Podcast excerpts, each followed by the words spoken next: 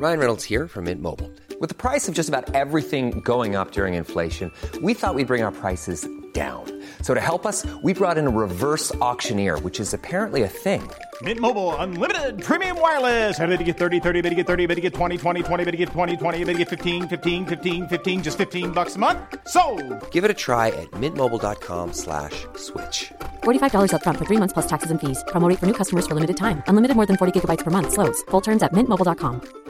Quality sleep is essential. That's why the Sleep Number Smart Bed is designed for your ever evolving sleep needs. Need a bed that's firmer or softer on either side? Helps you sleep at a comfortable temperature? Sleep Number Smart Beds let you individualize your comfort so you sleep better together. JD Power ranks Sleep Number number 1 in customer satisfaction with mattresses purchased in-store. And now, save 50% on the Sleep Number limited edition Smart Bed for a limited time. For JD Power 2023 award information, visit jdpower.com/awards. Only at a Sleep Number store or sleepnumber.com.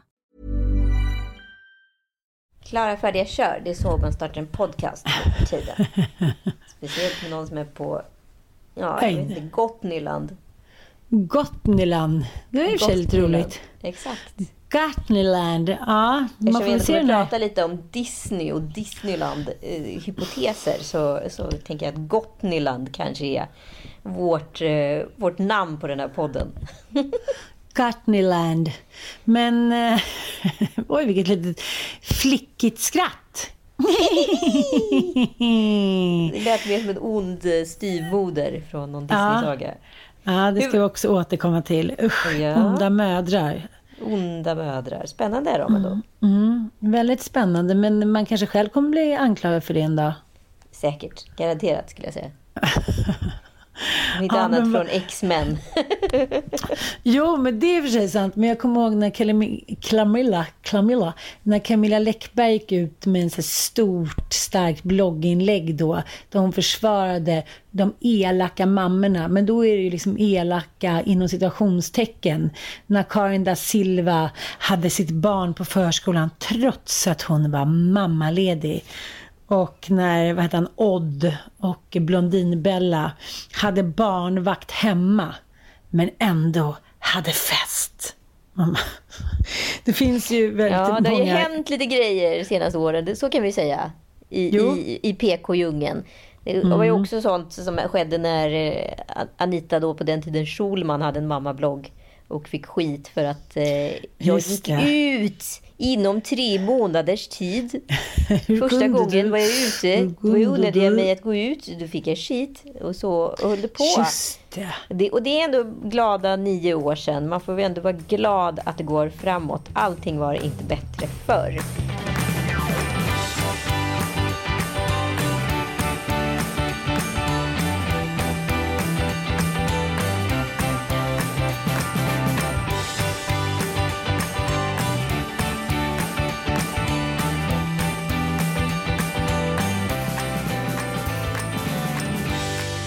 Hoppas att det är bra med dig Ann Söderlund, du som är på Gotland och har firat midsommar. Goda vänners lag. Mm, jag skrev ett långt blogginlägg på min nya blogg, jag kan ju säga vad den är på femina.se.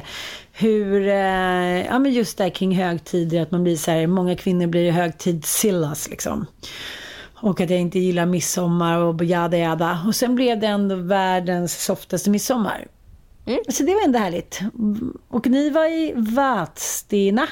Vi var i Vadstena eh, hos mina, min bonusmormor eh, till barnen och morfar och gudmor och hennes bror. Så det är liksom min, vad ska jag kalla det för, bonusfamilj. Eftersom mina föräldrar då har båda varit sjuka i Alzheimer och pappa gått bort eh, så har ju aldrig barnen riktigt haft en koppling till mina föräldrar. Så det har blivit en eh, fantastisk lösning och eh, vi hade så sinnessjukt trevligt och roligt med allt från fem, femkamper till mata fåglar på Joels rumpa till jag vet inte vad. Vad är det för någon grej? Mata fåglar kolla på Insta- rumpa. Du får kolla på Instagram. Ja, det har inte Han har hunnit. många gayförfrågningar på, på DM här. Jaha. Lilla hockeyrumpan stack ut. Jaha, och Alla trodde ju också att han var bakis. Nu, ja, de som inte har sett klippet får gärna kolla. det är liksom en mening som har sett, åkt karusell i mitt huvud senaste dagarna och som jag liksom inte blir av med. Så då tänkte jag så här, då får vi ta den i podden. Okej. Ja, och det är eh, eh, rubriken Men har kärleken verkligen ingen ålder? Oj, Alltså, har vilken, den vilken, verkligen vilken rafflande, vilken rafflande, kioskvältande mening som så här, verkligen knockade mig. Alltså vad är det som händer Ann? jag Har du kommit förstår, jag förstår. Har du kommit på det själv? Alltså, ungefär som när jag trodde att jag hade kommit på Rallys eh, signatur vignettmelodi. Det var la gött, det var la gött. Jag sa på fullaste allvar till Joel att den har jag kommit på. Och han bara, nej, det är Rallys melodi. Jag tänker bara så här, när jag tittar på de här olika videorna, eh, bland annat då där Dolph tränar med sin 38 år yngre tjej och de ställer upp i olika intervjuer och Dolph säger så här, ja visst det skulle bli lite awkward när jag skulle berätta för min dotter då som är lika gammal som Emma och sådär. Det skulle, ja, men det har funkat bra. Då tänkte jag fick jag bara den här känslan, så men räcker det inte nu? Alltså så här, 30, 38 års liksom, åldersskillnad. Men det är det väl mellan Aje och Bettina också? Ja, ja det kanske det kanske Nej, jag, jag, jag, vet stänger inte, Nej. jag stänger inte ämnet med det. Jag bara försöker hitta motargument här varför det inte ska gå. En får Men- sitta i karantän eh, under corona och en får inte Ja, fan vad kul det hade varit att vara ihop med en gubbe nu. Man bara, hej då. Det kan ju inte gå. Nej men det kan ju inte gå. Nej men gud vilken mardröm. Det är ändå en mardröm. Ska man sitta med en gubbe som man inte får vara nära på två meter. Kanske i och för sig skönt. Råskönt skulle jag säga. Nej men helt ärligt så tycker jag det är jag har en kompis som eh, var tillsammans med mycket en äldre kille och han var ju typ 57 när de träffades och hon eh, ja men 37 då, så det var väl 20 års skillnad. Och alla människor kan ju hålla sig liksom fresh and dandy, tycker jag, fram till cirkus 68-70. Då blir vi alla äldre. Då blir det krångligare och stelare och virrigare och eh, kroppen blir tunnare och bräckligare. Och eh, Ja, då är det ju inte lika roligt längre. Det, det, det vittnas det ju om just för att man själv har massa ork och det har inte den andra av helt naturliga orsaker. Sen kan man ju dra i sig botox och färga håret och operera sig hit och dit. Men det är ändå så här, själ och kropp blir ju äldre. Och då tänker jag så här, när man, när man hör det där, ja men eh, age is nothing but a number och hit och ditan. Det handlar ju mycket om att, att man vill göra sånt som man egentligen har fel ålder för. Förstår du vad jag menar? Ja, okej. Du- Ja, precis. men allt från att så här, som min killkompisars mamma hela tiden var med på våra fester. Liksom. Hon var så här skitsnygg för sin ålder. Och sen så är plötsligt en dag när hon var med på festerna så känns det bara så här, nej. Nej, mormor ska inte vara med här och sitta och röka en holk eller dansa till fyra på natten. Att, att man känner när liksom när, när en person har gått över sin åldersgräns. Och jag tycker då med Dolph Lundgren att när han säger så här att han tycker att det ska bli kämpigt och presentera eh, sin nya tjej för sin dotter för att de är lika gamla, då känner jag så här, nej, då kanske din åldersgräns har överskridits Dolph Lundgren. Hur mycket du än vill vara med den här tjejen. För det är så här, man vet ju alltid att precis innan man börjar bli kär eller hur man känner en viss känsla så kan man ju stanna det och stoppa det. Det kan ju alla människor. Det är inte så här att någon knockar Nej, sen när man... nej, där håller jag inte med dig överhuvudtaget. Alltså, har du Tycker du trillat, inte? nej, har du trillat in i liksom kärlek? Alltså det säger ju också så här alla jurister och sådär. Att så här, det här, den sjukdomen som de nästan kallar det. Du vet när män skriver bort sina arv Jo. till den nya Jo, kvinnan och så vidare. Den, den, den är ju unstoppable. Den, på, den, den nykärleken som du är inne i de där 18 månaderna, den är vad den är. Och liksom Dolph kanske är, jag, jag bara ser till mig själv nu. Nu är jag Mm, 11 år äldre än min partner och det är ganska många brudar senaste tiden som har blivit liksom ihop med yngre snubbar och det har varit accepterat och hej och hå. eh, Men jag skulle kunna säga så här att jag förstår ju inte att jag är 11 år äldre än Joel. Jag har ju mentalt stannat kanske för 10 år sedan ungefär. Jag skulle säga att jag är lite äldre än honom men inte supermycket.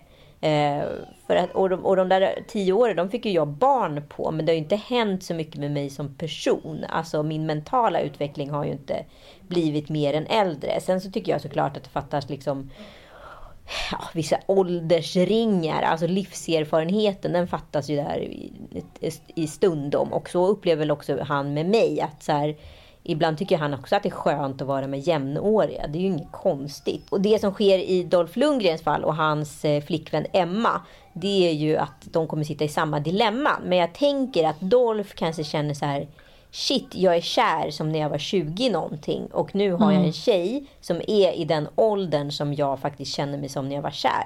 Hans mentala utveckling kanske stannade 24 plus. Det vet vi ju inte. Min kanske stannade 31 plus liksom. Ja, ja, ja. Men det är bara så de, de är blivit intervjuade i norska TV2 då. Och eh, där säger han att han vill ha barn med nya flickvännen.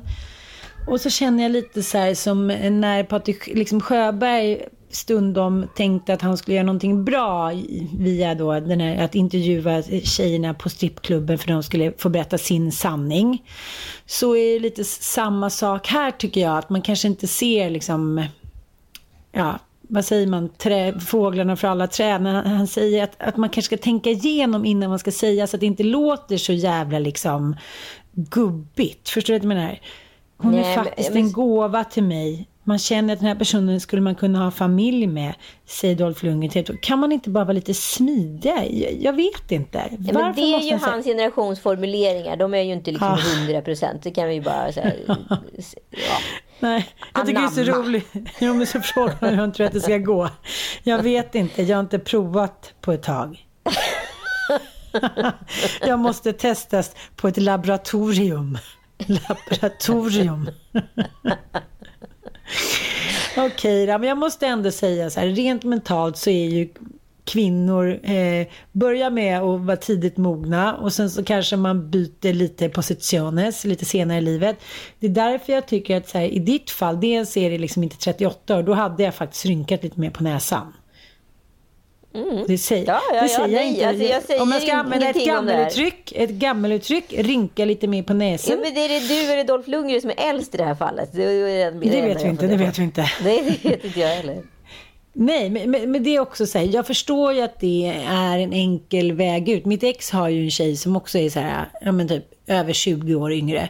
Uh, och jag förstår, men det blir ju ändå en märk märklig situation. Så är det ju. Att man ska leva tillsammans med någon som är ungefär lika gammal som en själv och är en styrmoder. Det känns ju i och för sig, kanske handlar om att det känns jävligt amerikanskt, men att det nu har typ förflyttats till alla länder om man säger så. Jag menar, det var ju väldigt sällan som i gammel-Sverige, i bond-Sverige som så här, patron Adelsköld eh, gick liksom 89 år, gick och gifte sig med 24-åring. Ja, i och för sig, då dog ju folk på ett annat sätt. Då var man tvungen att ta sig en ny fru. Men, men det känns ändå ganska osvenskt det som Dolph gör tycker jag. Ja, men han är ju inte speciellt svensk eller. Han är mer Nej. amerikansk än vad han är svensk. Och så blir det ju ändå sådär, oh! Så reagerar vi så på samma sätt som när någon hade fönat håret i Dallas. Oh, mm. kan man se ut så där? Kan man få där lockar? Eh, men, jag tycker kanske det handlar liksom, ja. Nej, och då tänker jag så här att den generationen som Emma tillhör, de är otroligt mycket äldre än vad vi var när vi var 24. Eh, och det är den referensen vi själva så här, refererar till när vi så här, värderar det här fallet. Hon jo, är, är ju kanske som så här, 30 plus. Och Dolph är ju väldigt mycket yngre än vad han är i sina så 62 år. Så de kanske möts någonstans på mitten. I mental ålder kanske det är 10 års åldersskillnad. Så det är ungefär lika mycket som mig och Joel rent praktiskt, men mentalt. Hur som helst kan jag tycka ändå så unna Dolph en ny vår i livet. Låt säga att den här relationen håller i tio år då. Och där har ändå mm. avlats ett barn och han har haft det glatt. Han är ju lycklig. Varför, hur kan man neka någon till att vara lycklig? Och jag blev faktiskt lite så här provocerad när jag såg, jag var inne på hans konto och kollade kommentarerna. Hur många som hånade och häcklade dem så här rakt ut. Som inte mm. kan så här, hålla in och då kände jag så här, för först var jag också lite på din linje där, Ann Söderlund, och var så här, men gud. Alltså första anmärkningen är ju den. Men så bara ja. kände jag så här, jag tyckte det var så jävla vedervärdigt ändå det folk håller på med. Så kände jag så här, nej, för fan, hej Adolf känner jag. Men vad skrev de då? Liksom, vad skriver de? Jag menar allt från så här, bahaha och sen så bara så här, alltså verkligen hånar dem rakt ut och skriver så här, att de är disgusting och allt möjligt liksom. Aha, disgusting, ja. det var ju hårt. Alltså så här, för, när, förlåt mig Ann Söderlund, frau Ann Söderlund numera. när började du liksom prata om äktenskap som var längre än, än en livstid? Alltså så här, jag tror inte Dolph lever efter den devisen. Det har han ju Nej. bevisligen inte gjort hittills. Nej, det har väl i och för sig ingen. Nej, så låt honom Nej. ha tio glada år. Om han vill sätta en ring på sin tjejs finger för att han är så kär i henne, låt honom göra det då, eller? Ja, nu sitter jag och kollar på lite bilder. Han är ju ändå rätt fräsch. Trots sin ålder. Ja, Okej då. Ja, och Okej sen kommer han, kommer han ha en liten dallrig rumpa, det vet vi, och en lite längre pung. Och så kommer han Mm. snarka mycket och så. Men om hon står ut med det och tycker att det känns fine för henne, så är väl det okej, eller? Det är mest den som jag är stressad över. Långpungen, tror jag. Men så får det väl vara. Jag menar så här, jag antar att... Jo, men jag tycker så här, både du och jag umgås med, med yngre kompisar emellanåt hit och dit, vilket gör att man tänker så här, men gud, jag är lika gammal som dem, vad roligt, nu går jag ut på krogen och så bara, nej. Ja, exakt. Ja, Precis som mig det- för en helg sedan. Ja, ungefär. precis. Och det är Ja. den känslan han har hela tiden när han är tillsammans med någon som är yngre. Att han tänker sig, han speglar sig i henne, vilket man gör liksom. Ja, men vi vä- värderar ju också det här utifrån någon form av så här svensk mått mätt. Alltså, du, du, du har Mm. ju själv varit i LA x antal gånger och jag med. Och man har ju ingen aning om personer man pratar med är 103 eller 33. Och det märks inte heller i deras mentala utveckling heller. Så att så här, jag förstår att så här, LA är en liten, vad ska jag kalla det för, i, Bubbla. skyddad bubbla där liksom inte ålder existerar på samma sätt som det gör i resten av världen eller kanske framför allt i Sverige där jag upplever att åldersnormen är enorm. Mm, Ja, det är det. Men jag vet inte om... Kände du verkligen så när Anna Nicole Smith gifte sig med sin rullstolsbunden 91-åring? Kände du så här, den här snubben skulle kunna vara mellan 30 Nu bodde ju inte han i Los Angeles. då så. Nej, men du vet ju själv att den där... Så kommer det bli för en själv också. Man bara, äh, men jag tycker jag mig fräsch liksom. Jag Ja, men det värderas ju annorlunda där borta. Där har Mm, ju pengar ett utbyte mot eh, skönhet. Alltså så här, där kan du så här, ah, om jag petar in tillräckligt mycket cash i den här donnan så kommer ju hon vilja ha mig.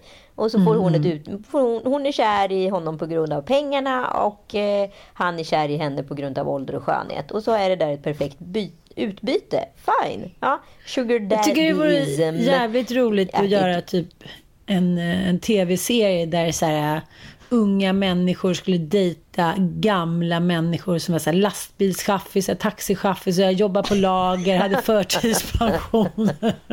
skulle se hur jävla populärt det var. Nej, det skulle ju inte gå. Ja. Nej, det är det, det alla det de som... här psykologiska experimenten bevisar. att så här, har du inte... Alltså du vet alla de här datingprogrammen som har varit nu liksom. Alltså, om det skulle sitta en oattraktiv person där på andra sidan buren eller vad jag ska kalla det för. Då hade ju liksom inte det funkat. Nej, nej, nej, men det vore ändå kul att bara göra så här ett avsnitt, så här, skämta lite. Så här, Okej, då sätter vi igång. Det här är Kenneth Andersson. Han jobbar som taxichaufför i, i Ja, men det skulle ju vara över redan där. Det skulle inte ens bli något momentum liksom. Det skulle inte gå. Nej, det skulle bara bli så här, okej, Så här- katt, katt. Risiga Bachelor. Men apropå kärlek, jag måste ändå säga. Det var så otroligt spännande. Jag har två kompisar som har blivit ihop med sina tonårskärlekar. Eh, kärlekar. Och Jaha. tydligen så jag var tvungen att läsa på lite om det här, för jag kände ändå så här, ah, men det är något spännande i andra varvet. Vi har ju pratat om det här för tusen år sedan tror jag i den här podden. Andra varvet kärleken. Och tydligen så är det nu en befäst teori. Och speciellt nu i en här tidsålder där vi inte tror på Gud så mycket längre. Vi är sekulariserade och eh, vi skiljer oss och eh, ja, 65% av alla äktenskap slutar med skilsmässa och så vidare. Då är det alltså så att man kanske var rätt för varandra men inte tillräckligt rätt tidigare i livet. Men andra gången när man fått de där årsringarna som vi pratade om tidigare. Då är det rätt. Så andra varvet är alltså ett, ett nytt, liksom, en ny form av kärlekssituation. Alltså ungdomskärleken börjar spira igen. Och det börjar bli allt vanligare. Och då tänker jag så här Ann. Då vill jag att du ska ge mig referensen på ditt liv ifall du hade blivit ihop med din ungdomskärlek. Du ska berätta vem det var. vad han heter, vad han jobbar med och hur ert liv hade sett ut utifrån dåtidens mått mätt. Alltså så här, om tiden hade stannat, förstår du? Vem Ja, jag hade fattar, du jag blivit ihop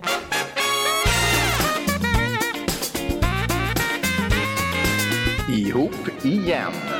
Det är två snubbar som kommer upp i mitt huvud. Den ena är ju Perre.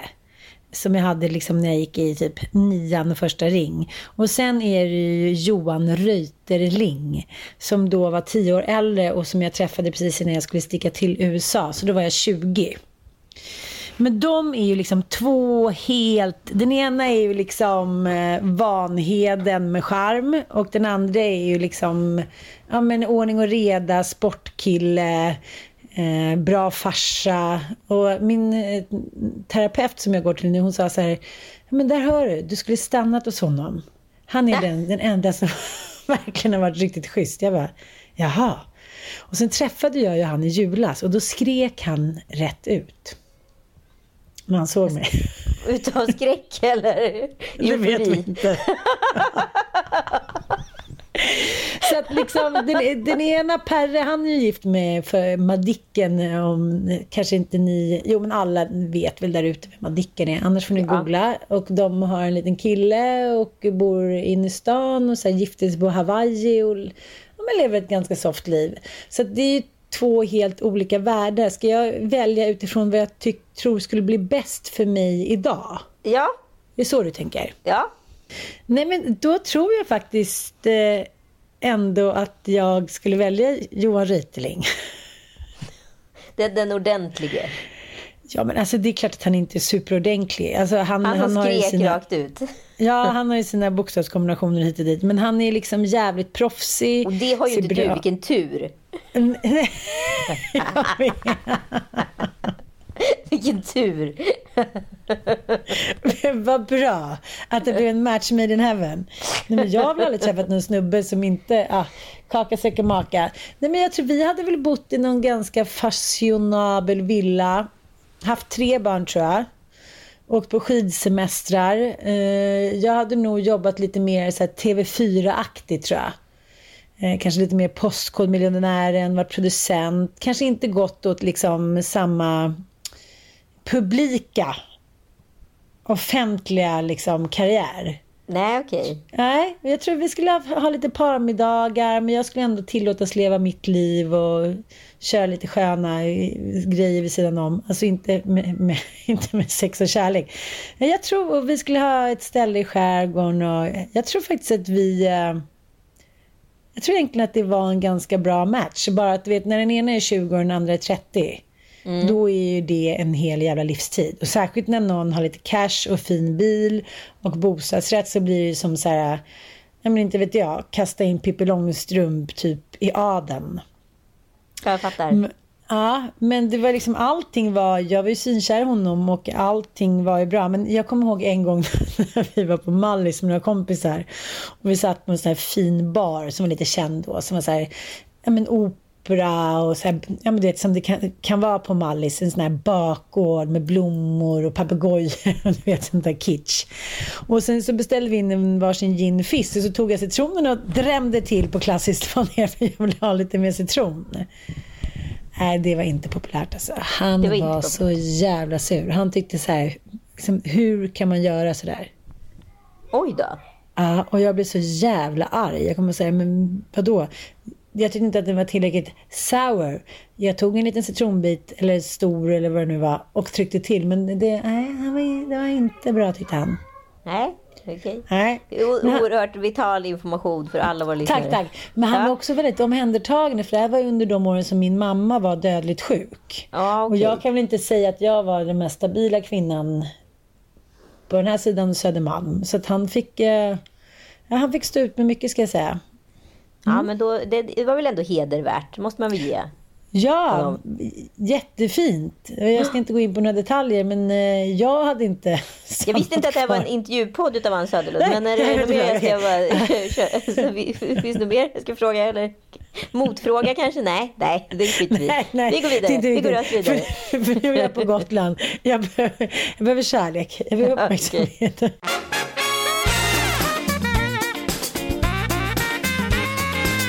Ihop igen. Ja, det är ju två uh, alternativ här. Då har vi först Niklas Johansson. Han, halvkenyansk kille. Väldigt lång, väldigt snygg. Det här var alltså min alltså, high school sweetheart. Alltså jag är 16 år. Vi var ihop i ett år. Eh, och han åkte skateboard, han spelade bas i ett band. Han var Levi's modell och gick deras så här catwalk runways. Alltså förstår ju på den tiden var ju det, det smällde ganska högt. Ja, Eh, han, han, var han var total mytoman, var bara ett problem. Och han påstod att han hade en bror som hade vunnit så här 25 miljoner eller vad det var på Lotto i- och ingen trodde på honom. Sen visade det sig några år senare, långt efter det var slut mellan oss, att det var ingen lögn. det var tydligen sant. Vilket var väldigt roligt. Men jag har ingen aning om, jag försöker googla upp honom, men eftersom han heter Niklas Johansson så är inte det så här Sveriges liksom mest ovanliga namn. Eh, så går det inte att få tag i. Men eh, om jag hade hängt kvar med honom så hade jag ju förmodligen då jag vet att han blev ihop med någon tjej som var lite äldre än honom och de fick barn väldigt tidigt. Och flyttade typ tillbaka till Dalsland om det var Bengtsfors eller någonting. Så mitt liv i Bengtsfors kanske, ja den, är, den känns ganska svår om jag ska vara riktigt ärlig. Eh, att så här, eh, finna mig till ro med. Jag tror också att så här, vi var inte en match made in heaven på något sätt. Jag, tyckte att, jag tror att jag var ihop med honom för jag tyckte att han var cool. Snarare än att jag Jag var så otroligt kär i honom. Eh, Men var det så flaggstången och typ minimyggan som gick på stan? Eh, Ja, verkligen. Exakt så var det. Exakt så. Men så är det ju nästan med alla mina relationer. Så det, det är ju bara frågan om hur lång den där stången ska vara. Ja, det finns ju grader i helvetet. Precis. Eh, nej men och sen så har vi alternativ nummer två. Och här har vi en riktig flaggstång eh, till. Det är Johan Bonde. Eh, Grive Johan Bonde. Han, är ju då, eh, han var ju då kapten, alltså flygkapten. Eh, och eh, ja, en utav ättlingarna i familjen Bonde med stort gods utanför stan. Liten lägenhet vid Tessinparken hade han på den tiden. Idag är ju han aviator, alltså han äger ett eget flygbolag och ja, har en massa så här små privatjet och lite större också tror jag. Eh, och jag träffar ju faktiskt honom då och då för han ingår i någon form av eh, förlängd sfär of mine. Ser fortfarande väldigt bra ut och jag tror faktiskt att vi skulle nog två kunna haft ett ganska bra liv tillsammans, skulle jag kan tänka mig. Han var liksom i, i grunden en så här genomschysst kille. Som jag valde bort för en, ett uselt ex. vilket, vilket jag så här ångrar att jag inte gick Johan Bondevägen istället. För mitt liv hade formgett sig på ett helt annat sätt. Jag hade förmodligen jobbat med ungefär det jag gör skulle jag säga. Med honom vid min sida. Kanske varit lite mera upper class än vad jag är. Än vad du är nu. Jag förstår. vad jag nu. Ja men du förstår. Nu, det är ditt lilla gods som du har nu. Hade upp Mitt det. lilla, mitt lilla chateau. Mitt lilla chateau. Kommer också ihåg, det var väldigt roligt här med den där lilla, lilla ettan. Så hade någon stor jävla kungamålning som man hade så här ärvt från något annat gods. Som som tog upp hela väggen. Lite som när man sitter för nära en alldeles för stor widescreen-tv. Men det jag tycker, lämnade du honom för E-Type? Eller? Nej, det ska jag inte säga att jag gjorde. Men, men det var, det var någon annan härlig karl. Om vi nu ska knyta ihop där, om man nu ska ta Dolph och Emma, att så här, åldern är ingenting eh, än en siffra. Men det här är ju samma problem som förmodligen skulle uppstått om du hade gift dig med unge herr Bonde. Att du kanske hade känt dig som en katt bland hermeliner emellanåt. Ja men såklart. Såklart. Mm. Så det där handlar ju inte bara om liksom ålder eller liknande. Det handlar ju om att så här, är du inte uppväxt i det där så känner du ju såklart alltid som en katt bland Ja hermeliner. men även kusinen från fast- landet liksom. Ja, så Ja. är det bara. Det har jag själv varit med om. Ja. Ja men exakt, jag skulle nog haft... Men du vet också, det finns, jag kommer ihåg att så här, jag var stressad över massa saker rörande saker som hade med mig att göra. Jag skulle skämmas för att introducera honom för mina föräldrar. Han var jättekär i mig. Och ville verkligen så här, satsa på oss. Liksom. Och jag tyckte att mina föräldrar var pinsamma, de var inte tillräckligt fina. Hur skulle jag kunna introduceras för hans mamma på ett sätt då? Jag vet att jag kände lite till hans syster och sådär. Jag skämde så mycket över vem jag var och att jag inte passade in i hans liv. Om jag hade släppt de liksom, föreställningarna och liksom givit mig hän så kanske det hade gått mycket bättre. Eller inte, det vet vi inte. Nej, det där är Men- också en utvecklings... Att man, att man har svårt att vara stolt över sitt ursprung liksom. Ja, och det kommer man ju inte vara. Alltså det landar man ju inte i förrän man är runt 40. Liksom. Då skiter man Nej. ganska fett i det. Men jag tänker Gift vid första ögonkastet var ju ändå en stilstudie i när det ibland inte riktigt är match made in Ja, heaven. verkligen, verkligen. Det som jag tycker ändå var så storstilat, eller är storstilat i överklassen, det är ju det här eh, öppna sinnet. De har ju kommit lite längre skulle jag säga i den här med relationer, kanske lite som Dolph har gjort. Och en grej är, jag fick höra det här för ett tag sedan, en kompis med mig var på en ett stor 50-årsfest eh, i lite finare kvarter.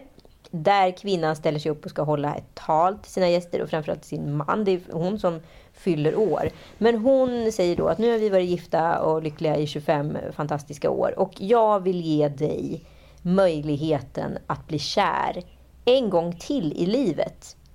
Eh, Men vadå? så Vänta nu. Jag ger dig en skilsmässa. Men vänta nu, sa hon det här på festen? Ja, hon håller alltså ett tal inför skickade gäster och vänner. Hon hade ju såklart informerat mannen innan. För han var ju med på noterna liksom. Men hon hade ju då visade sig träffat en ny kärlek och kände så här att hon ville springa in i den här kärleken precis som Dolph då och bli nykär och, upp, och liksom vara euforisk utav den orsaken. Och sen så då släppte hon sin man fri. För hon ville liksom att han också skulle träffa en ny. Och nu har han gjort det och liksom är kär och lycklig. Sen vet vi ju inte om han är lika kär och lycklig som han var med henne. Eftersom det var hon som valde att lämna. Eller hur det blev i slutändan. Men är framtidens grej att separera med en fest? Celebration separation, bara det att inte bara ens bästa tjejkompisar utan även snubben är med. Precis, och alla gemensamma vänner. Men jag fattar inte ändå varför de skulle dra upp det här på festen. Det måste bli så awkward. Det kan ju inte blivit världens roligaste stämning. Eller också blev det bara så galenskapsstämning och alla Ja, men det började blev det är dynga ner exakt det sig. det blev. För först Ja. var det ju i någon form av chock och förvirring. Och liksom alla går ju, du vet ju du, när man har haft tajta kompisar som separerar, det blir nästan som en separation för en själv också. Man går ju själv igenom någon liten minikini-kris. Eh, Mm. Så att först var väl alla i någon form av chock och sen blev det liksom någon galenskaps, eh, vad fan är det som händer? Once in a Dionysisk, lifetime moment. ja.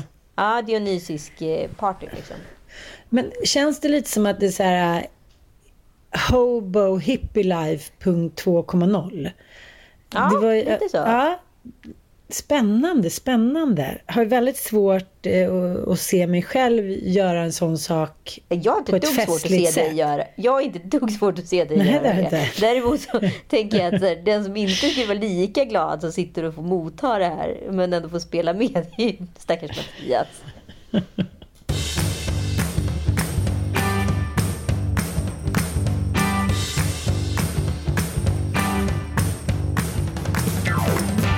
Genom historien så har ju eh, vackra kvinnor eh, alltid fått eh, Ja, men alla kvinnor har fått, det har alltid varit kvinnornas fel. Men det finns ju en liksom, tradition att så här, vackra kvinnor och mammor som får döttrar då på något sätt börjar hata sina döttrar för att de, men de ser vad de själva förlorar. Förstår du vad jag menar? Ja. Ja, men allt från Snövit till Askungen till, eh, vad heter den där som kom för några år sedan, Rapunzel, hon med långa röda håret. Det vad heter Rap men Rapunzel, det var också en Disney-scen, hon var instängd i ett torn och sådär. Eh, ja, men det finns ju många filmklassiker också. Filmen Carrie tycker jag är väl den som är eh, den största det. klassikern. Där var det mycket, ofta väldigt religiösa undertoner. Så skickade ju du häromdagen en jätteobehaglig länk till mig som bara kom från ingenstans. Ja men visst är det otroligt det där Instagramkontot. Jag är helt besatt idag. The Ja, Cabinet men of the. Invisible Women. Eh, Det är liksom en, ett, ett historiekonto om olika så här, eh, kvinnoöden genom historien. Och eh, den här historien han, eh, utspelade sig i Paris 1876. Den 24-åriga Blanche Monnier eh, var en eh, liksom, typisk eh, societetsdam. Eh, som var otroligt snygg. Och hon blev liksom jättekär i en lite äldre eh, vad heter det, advokat. Eh, men Som var hans- verkligen vacker. Ja, förlåt, Ja, hon jag ska inte hålla på verkligen, upp. Ja. vacker. Men den här snubbens liksom aristokratiska mor eh, avskydde eh, att hennes förstfödde liksom, gunstling liksom, eh, gifte sig med henne. Så helt plötsligt försvann hon bara. Och ingen i Frankrike hade sett henne publikt igen både hennes mor och bror så här, sörjde henne och le, liksom, levde hela sina liv utan att få reda på vad, vad som hade hänt med henne. Och det var fruktansvärt. Och sen helt plötsligt, 23 maj 1901 eh, så vad heter det, kommer ett mystiskt brev till eh, polisstationen i Paris.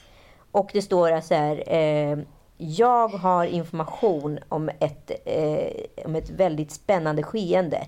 Jag pratar om änkan Monnier.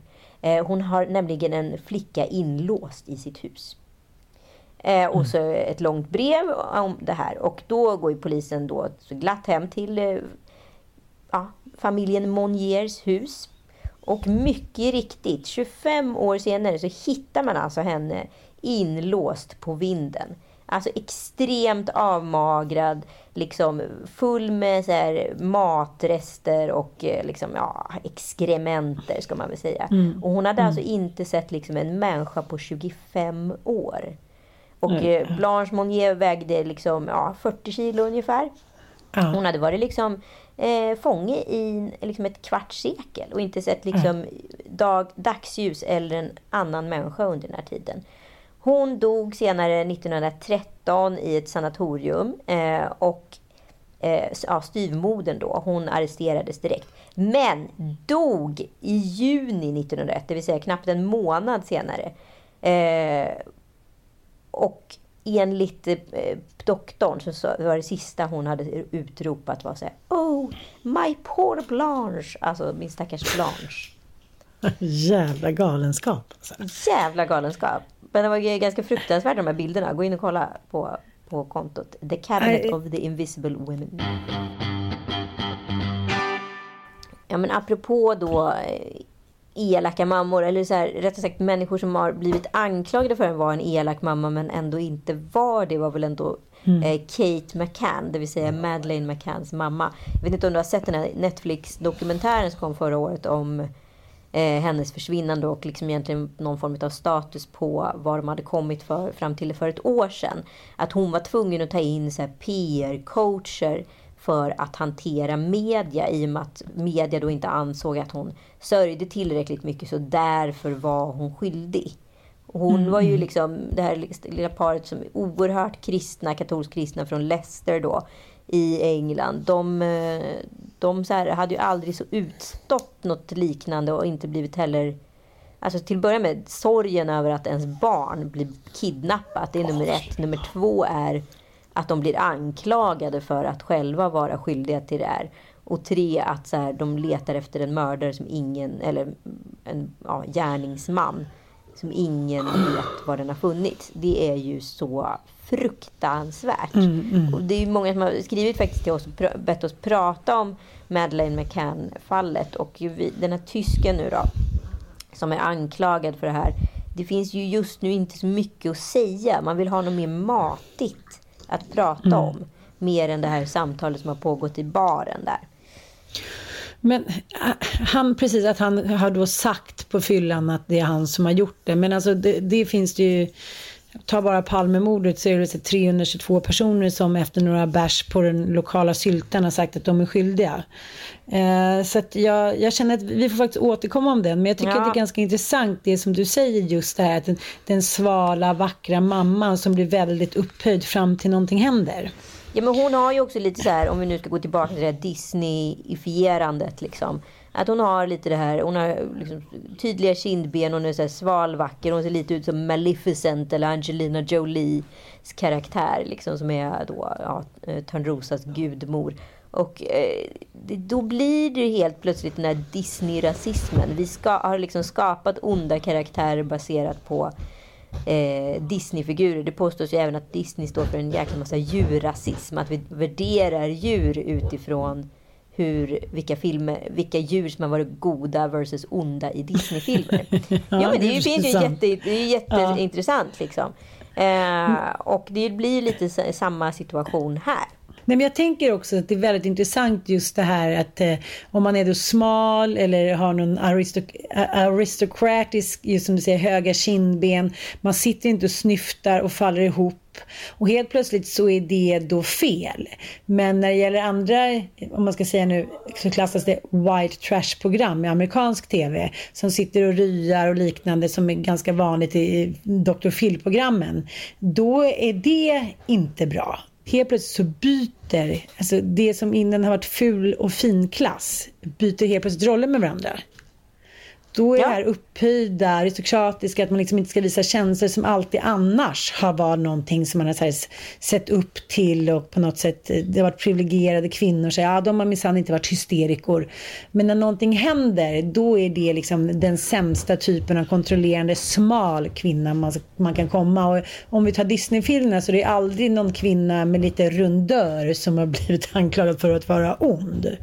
Utan det är också väldigt så här, går hand i hand. Om man är lite rund, då är man god. Är man alldeles för ja, smal, man en god då är man liksom, ja. Och är man för smal, då är man en ond styvmor.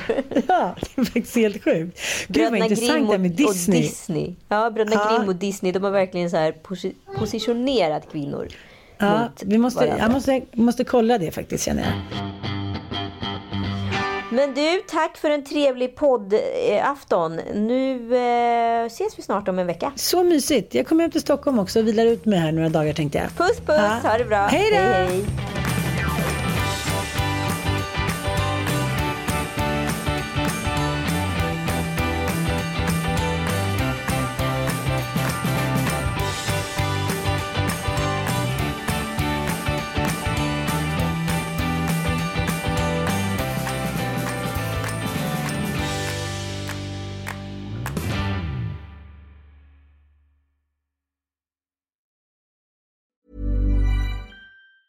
Even on a budget, quality is non-negotiable. That's why Quince is the place to score high-end essentials at 50 to 80% less than similar brands. Get your hands on buttery soft cashmere sweaters from just 60 bucks, Italian leather jackets, and so much more. And the best part about Quince, they exclusively partner with factories committed to safe, ethical, and responsible manufacturing. Elevate your style without the elevated price tag with Quince. Go to quince.com slash upgrade for free shipping and 365-day returns. Hi, I'm Daniel, founder of Pretty Litter. Did you know cats tend to hide symptoms of sickness and pain? I learned this the hard way after losing my cat, Gingy. So I created Pretty Litter, a health monitoring litter that helps detect early signs of illness by changing colors, saving you money and potentially your cat's life. Pretty Litter is veterinarian developed, and it's the easiest way to keep tabs on your fur baby's health right at home. Go to prettylitter.com and use code ACAST for 20% off your first order and a free cat toy. Terms and conditions apply. See site for details.